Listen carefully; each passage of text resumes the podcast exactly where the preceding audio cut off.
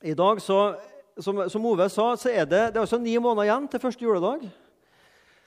Og um, ni måneder igjen til første juledag, hva sier det? Det sier at da er det tid for unnfangelse. Det vet også en mann, at det går ni måneder til ungen kommer ut. Så uh, da er det sånn altså at den søndagen som er nærmest ni måneder til første juledag, det er Marias budskapsdag. Og det skal vi snakke om i dag. I dag skal vi snakke veldig mye Vi, dvs. Si jeg skal snakke. I dag skal jeg snakke veldig mye om Maria. Og Jeg begynner å dra på årene, jeg også. Og Jeg måtte begynne å tenke tilbake. Jeg begynte å preike sånn da jeg gikk og studerte teologi sånn i slutten, midten slutten av 80-tallet i forrige årtusen. Og jeg har liksom preika i 25 år. Og så tenkte jeg hvor mange ganger har jeg preika om jomfru Maria? Hvor mange ganger har liksom jomfru Maria vært preiketemaet for meg? Og Da skrev jeg om barnesangen. Ikke én, ikke to, ikke tre, men ingen. Jeg har aldri preka om jomfru Maria. Hun har selvfølgelig vært nevnt i bisetninga. Men jeg har aldri tala om jomfru Maria. Så jeg bestemte meg det skal jeg tale om i dag. Så i dag blir det mer om jomfru Maria enn nesten det blir om Jesus. Ja. Vi skal ikke glemme sønnen hennes heller, så han skal bli med, han også. Og jeg er sikker på, hvis du tenker etter, hvor mange ganger har du hørt andakter eller hørt bibeltimer om jomfru Maria? Du trenger ikke mange fingre. Og så har jeg det sånn på min PC at der har jeg hele sangboka lagt inn. Sånn digitalt. Sånn at du kan skrive inn et ord, så kan du søke. Så får du hvor mange treff. ikke sant? Du kan skrive inn synd eller nåde, så får du ganske mange treff. Så jeg tenkte nå skal jeg prøve meg. Hvor mange sanger i sangboka handler om jomfru Maria? Så jeg skrev inn da først Maria. Og til min store forundring det kom ikke opp et eneste treff på ordet Maria. Så tenkte jeg ok, da skriver vi inn jomfru. Hvor mange traff tror dere vi fant på jomfru i Bibelen? Nei, ikke i Bibelen, men i sangboka. Jeg fant to treff. Kristus konge, du regjerer. Jomfrusønn som triumferer. Det er altså om Jesus jomfrusønn. Og så en julesang. Et barn er født i Betlehem. En fattig, en fattig jomfru satt i lønn. To, to, to sanger. Men så er jo norsk bokmål og nynorsk. Hva heter jomfru på nynorsk? Møy. Så tenkte jeg, Da skriver vi inn Møy, og da kom det litt flere. Men det er bare julesanger. vet du. Hør her. Det hev ei rose sprunget. Den sangen syns jeg var rar da jeg var liten gutt. Det hev ei rose sprunget. Så kan dere begynne å tenke dere en liten unge hva han tenker når han hører den setningen. Han ser for seg en blomst som springer. altså. Jeg skjønte aldri det der. Jeg, jeg skjønte etter hvert når jeg passerte 40 år. Det hev ei rose sprunget. Om denne rosa er sagt Jesaja sitt ord, Maria Møy den reine. Aha. Folkefrelser til oss kom, født av Møy i armodsdom. Og så er det to andre julesanger der det er så vidt er nevnt. Men det som jeg la merke til, det kom opp veldig mange treff på møye, møye og besvær. Men det var nesten ingenting på møy. så vi, Man kan altså ikke beskylde norsk bedehusbevegelse for å ha overfokusert Jomfru Maria. For å si det med som trøndersk understatement. Altså. Det, hun blir liksom ikke overfokusert. Det er mye møye og besvær, men det er lite om møy, Maria. Men baki sangboka så står det et eget sånn avsnitt, Mariaplassen. Der var det flere sanger. Men det er jo ikke jomfru Maria. Det er jo Maria, Lasarus og Martha sin bror. Sin, sin søster, mener jeg. Så jomfru Maria har veldig liten plass i vår tradisjon. Så derfor i dag, folkens, så blir det mye Maria. Men før vi snakker om Maria, så skal vi snakke med sønnen hennes litt. Så da ber vi sammen. Kjære Jesus, vi takker deg for mor di og alt det vi kan lære av henne. Takk for hun var villig til å føde deg, Jesus. La det som vi skal snakke om i dag nå, om jomfru Maria, bli noe vi kan lære om og lære av å ta til hjertet. Amen.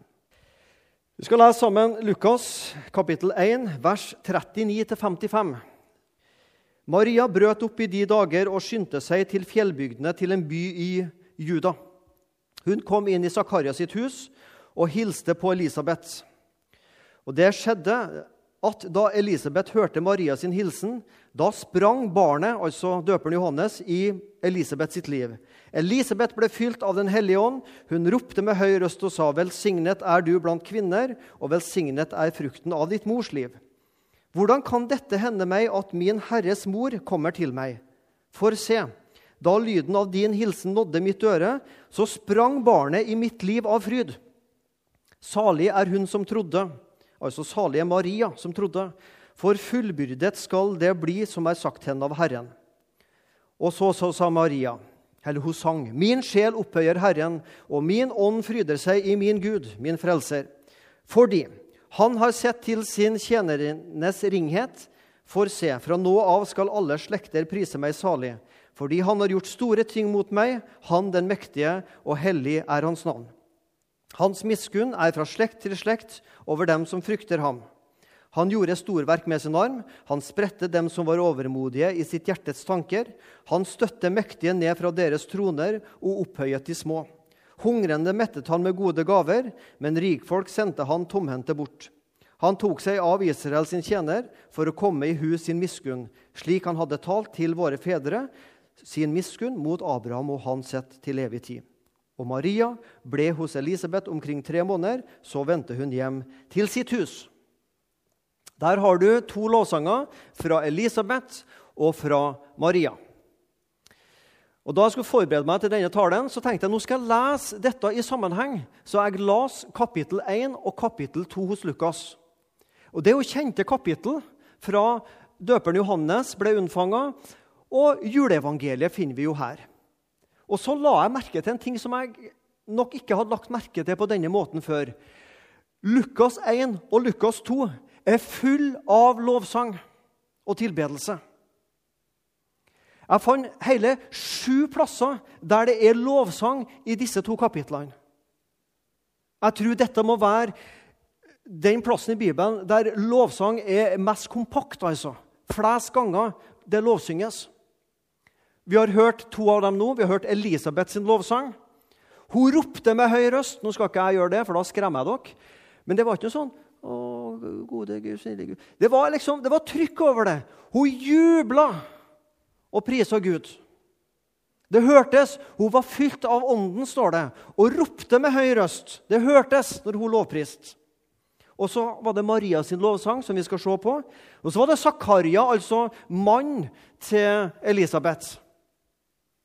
Han lovsang også. Det står at han ble fylt av Den hellige ånd. Og så er det englene. Ære være Gud i det høyeste, og fred på jorden blant mennesker er Guds velbehag. Og så står det om hyrdene at etter de hadde opplevd dette og vært og besøkt Jesus og Maria og Josef, så vendte de tilbake og lovpriste Gud. Det står ikke hva de sa, for noe, men det står at de lovpriste Gud. Og så er det Simeon i tempelet. Maria og Josef kommer med Jesus til tempelet. Drevet av Ånden, står det om Simon.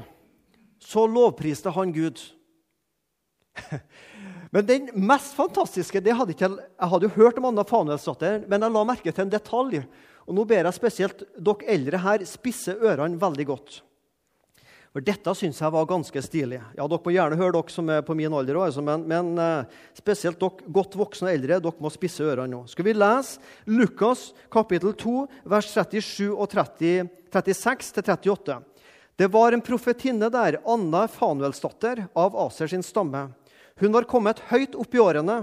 Etter sin jomfrutid hadde hun levd sju år med sin mann. Hun var gift sju år, så dør sikkert mannen. Deretter hadde hun levd som enke til en alder av 84 år. Hun forlot aldri tempelet, men tjente Gud i faste og bønn dag og natt. Jeg sier bare snakk om en sprek 84-åring. Dag og natt i tempelet i faste og bønn. 84 år gammel. Og Nå skal ikke vi tenke alder her, men her var det ikke snakk om å sette seg til. altså. Her var det snakk om å leve med Gud og prise Han og tilbe Han Sjøl om jeg har blitt pensjonist og kommet høyt opp i åra, så er det Gud som er i fokus. Fantastisk. Snakk om en sprek 84-åring. I Lukas 1-2 er det sju plasser det lovsynges. Og så står det om flere av dem. Drevet av Den hellige ånd, fylt av Den hellige ånd. Min ånd fryder seg. Her møter du lovsang, her møter du Den hellige ånd, og her møter du Jesus. Mennesker som lovpriser Gud Fader fordi de er fylt av Den hellige ånd, og fordi det har et innhold om Jesus. Det handler ikke om hva som helst. Snakk om altså når Jesus kommer inn og fyller hjertet. Da blir det lovprisning. Og det hørtes. Der Jesus er på ferde, der Jesus kommer, der blir det lovprisning. Nå skal vi se litt på Maria sin lovsang. Det skjedde da Elisabeth hørte Maria sin hilsen, så sprang barnet i hennes liv. Ja, Nå er det Elisabeth sin lovsang først. Jesus, fosteret Tenk deg disse kvinnene. og Det var mange år i forskjell. Maria var kanskje 15-20 år. Um, Elisabeth hun var gammel. Uh, så møtes disse kvinnene. Og når Døperen Johannes var jo seks måneder på vei, og Elisabeth, eh, Maria var ganske på, nylig på vei med Jesus. Og Så møtes disse kvinnene, og så møtes disse to, som også er slektningene, døperen Johannes og Jesus. Og så gir Johannes et godt spenn fra seg i magen på Elisabeth. Når man møter Jesus, så skjer det noe. altså. Det skjedde noe til og med i et fosters liv når det fosteret, døperen Johannes, møter Jesus. Så kraftig innvirkning har Jesus på mennesker sitt liv at til og med et foster spenner fra seg i mors mage. Ja, Det er åndsfylde, vil jeg si. altså. Elisabeth ble fylt av Den hellige ånd, og så ser dere jeg har strek under noe her. Hvordan kan det hende meg at min Herres mor kommer til meg? Den setningen syns jeg er rar. At Elisabeth i møte med Maria sier nå kommer min Herres mor. Hun som er mor til min Herre. Og Maria hadde jo ikke født noe barn før dette.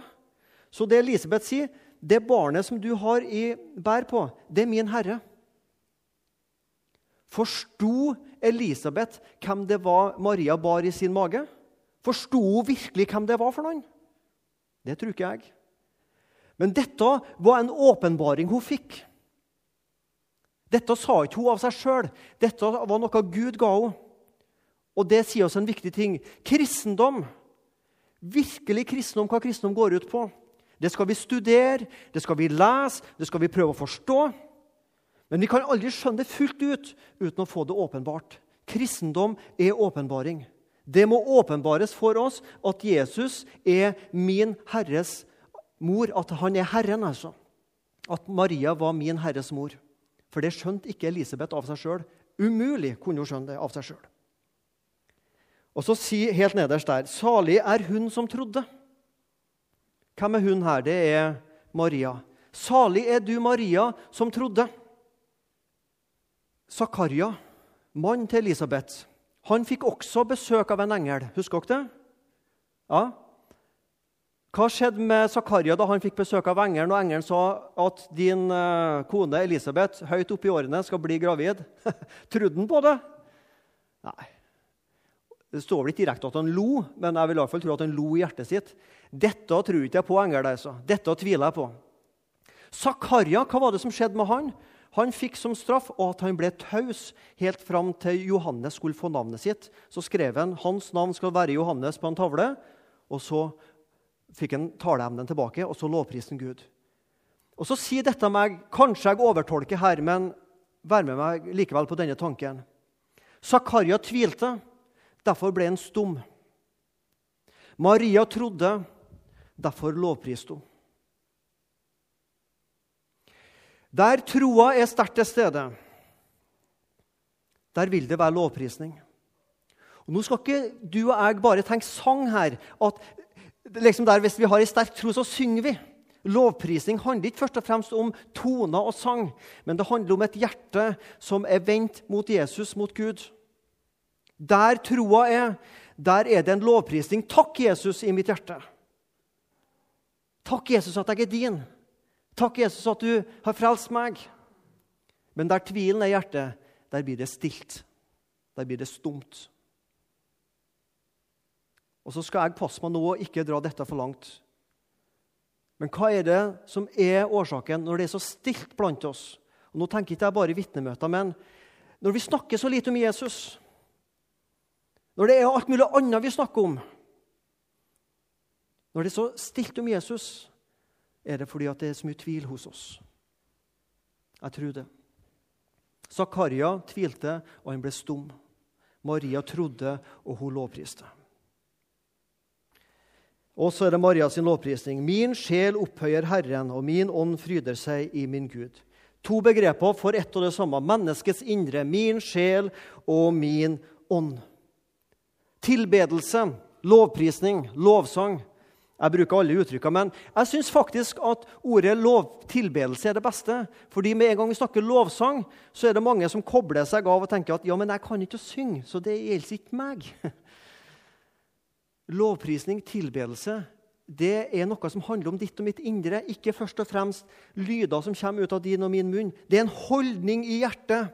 Det er en holdning som sier 'Jesus er først i mitt liv'. Det er han mitt liv skal handle om.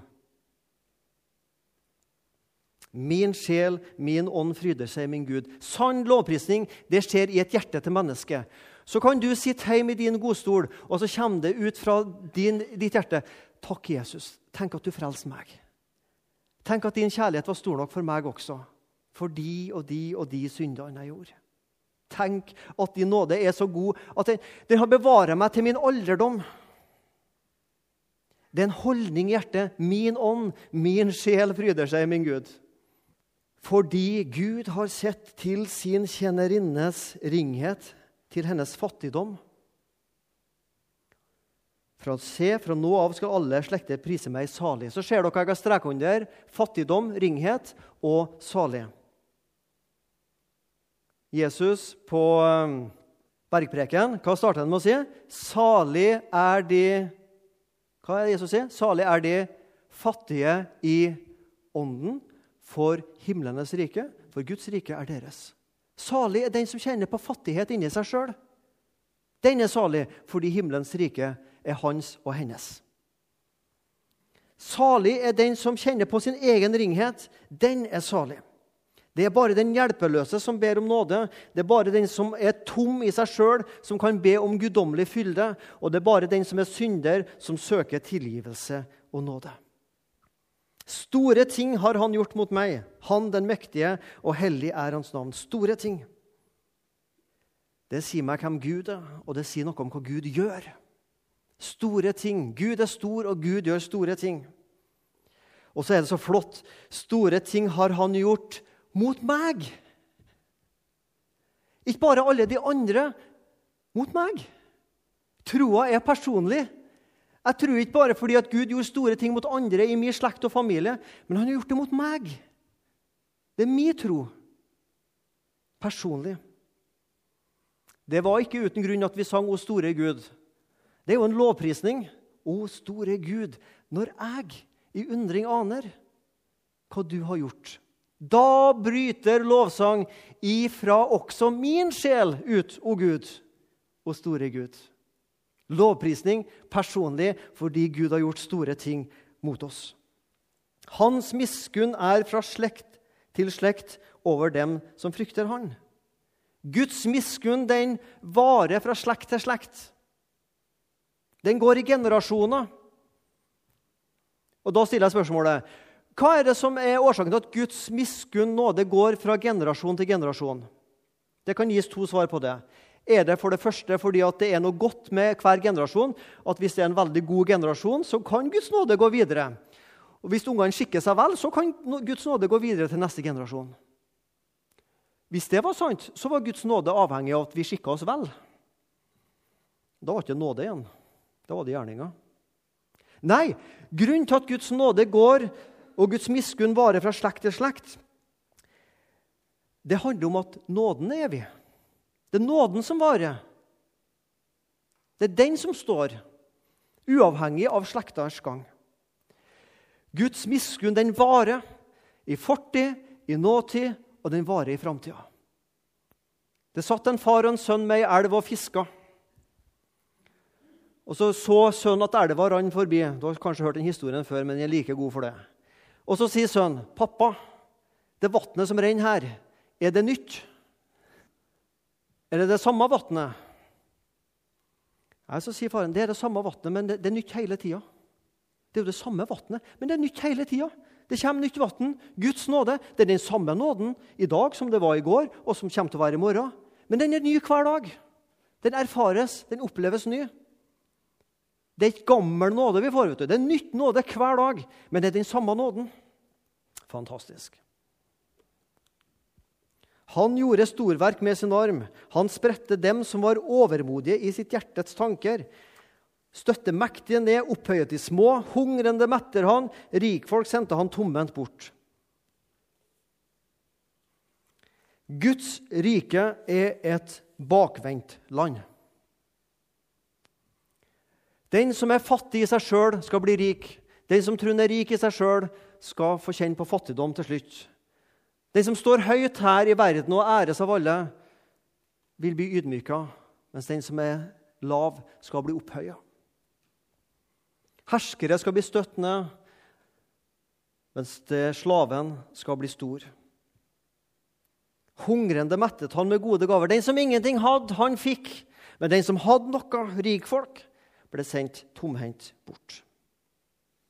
Hm. Guds rike er et bakvendtland. Og så er det en spennende ting her.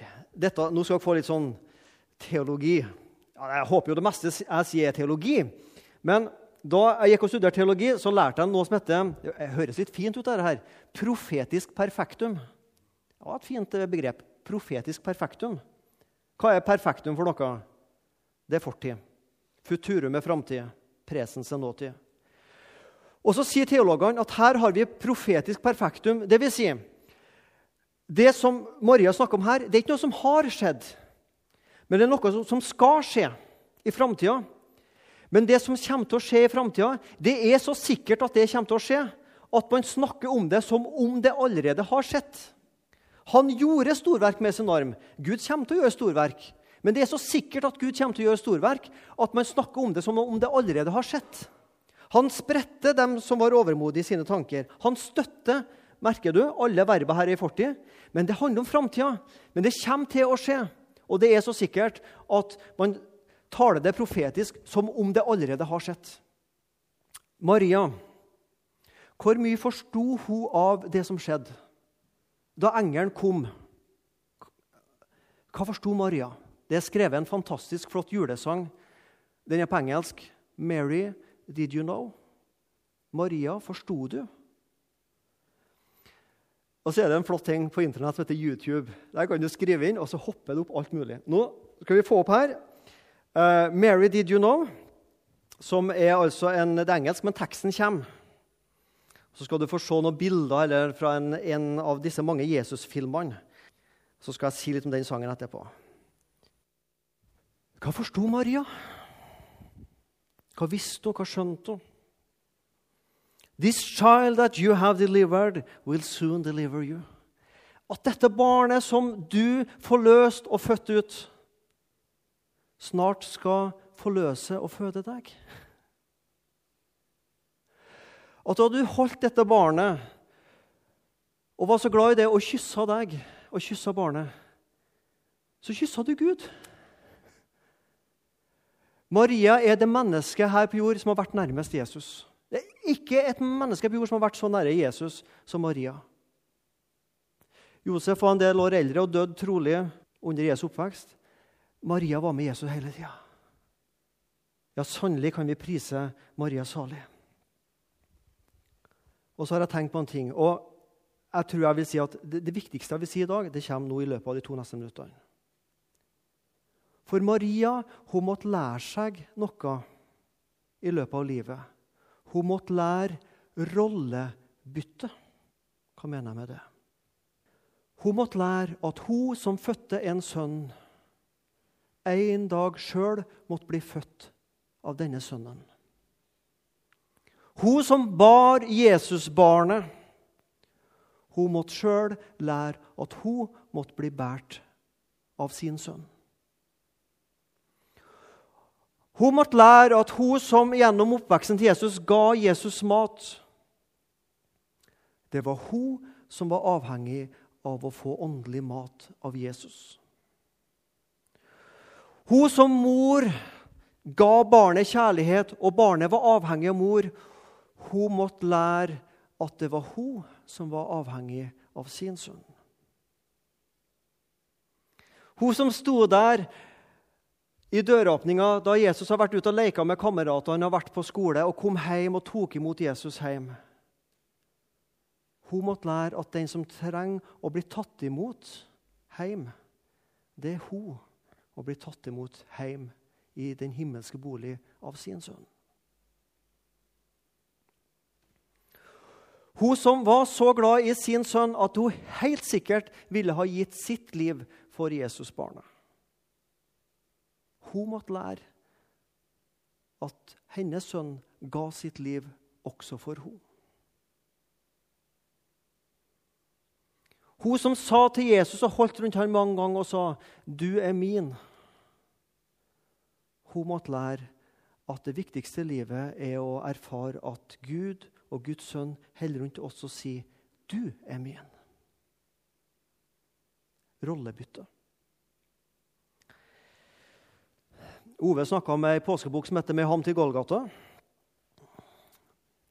Det er faktisk en bok jeg nesten hvert år bestemmer meg at neste påske skal jeg lese den. Jeg har bestemt meg for det i mange år nå. Men jeg skal gjøre det etter hvert. Men jeg har en bok som jeg, jeg har faktisk skrevet framme her at dette er snart tiende gangen jeg leser denne boka. her. Den heter ja det ser du ikke, men den heter 'Med ham til Golgata' av Fredrik Wisløff. Det er ca. 40 små stykker i fastetiden. Skal du høre litt? Det er ingen som var ved Jesu kors, som mitt hjerte føler så meget med som Maria. Ikke engang de to røverne led en kval så dyp som Jesu mor.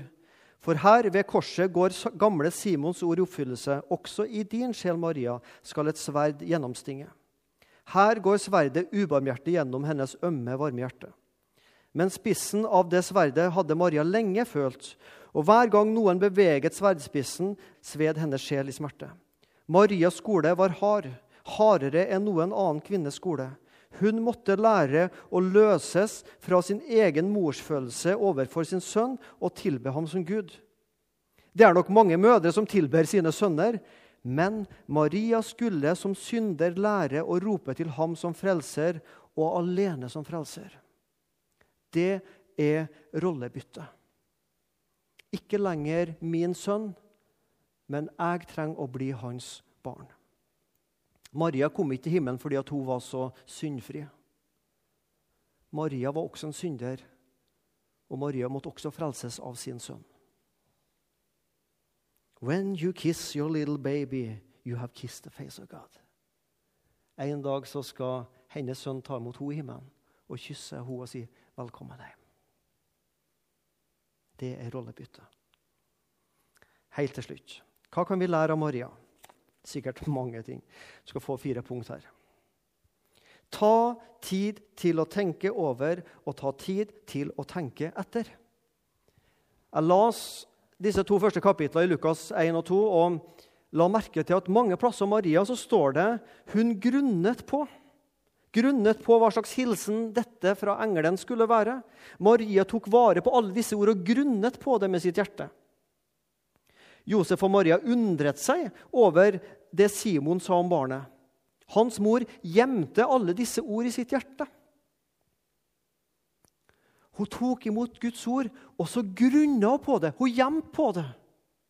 Ikke gjemte det unna, men hun tok vare på det. Og så tok hun seg tid til å tenke etter. Hva betyr dette her? Hva betyr det for meg? Og så vet vi som kristne vi skal lese i Bibelen, og så skal vi be. Og Så sitter du med en bibeltekst. Skal jeg be først? Skal jeg lese etterpå? Eller skal jeg lese først og be etterpå? Skal jeg gi deg et tips? Lesbe Bibelen. Lesbe. Hva er det for noe? Jo, du leser Bibelen. Ja, Jesus, hva betyr det? Det du sier her, det skjønner ikke helt Jesus. Og så lesber du Bibelen. En fin måte. Ta tid til å tenke etter og tenke over. For det andre, ikke vær redd for å stille spørsmål. Marie hun stilte spørsmål til engelen. Hvordan kan det her skje? Jeg har jo ikke vært sammen med noen mann. Jeg er jo ikke gift. Hvordan kan jeg da bli gravid? De var jo ikke uopplyst den gangen. her. De visste jo hvordan det foregikk. Hvordan kan jeg bli gravid? Jeg har ikke vært sammen med noen mann. Ingenting er umulig for Gud. Hun ble altså gravid uten mann. Første og eneste gang i verdens historie at du har jomfrufødsel. Hun stilte spørsmål, og når hun var usikker, så gikk hun til Jesus med problemet. 'Jesus, de mangler vin.' Her er det et problem altså, i bryllupet i Kana. De har ikke vin. Hun gikk til Jesus med sine spørsmål og problemer. Ikke vær redd for å stille spørsmål. Hos Gud er ingen spørsmål dumme. Og Gud gir aldri dumme svar. Var ikke det godt? Ingen spørsmål er dumme hos Gud, og Gud gir aldri dumme svar. For det tredje, ha denne holdningen som Maria hadde. Gud veit best. Gud veit best. FDSD, VJGD. Er ikke det en god holdning å ha i livet? FDSD, VJGD. Det er en kjempeholdning å ha i livet. Og nå er du spent. Hva betyr det? I Bibelen min her, framme i Bibelen min så har jeg skrevet FDSD VJGD. Det er en holdning som jeg har lyst til å ha, og som jeg anbefaler deg å skrive fram i din bibel. Fordi du sier det, vil jeg gjøre det.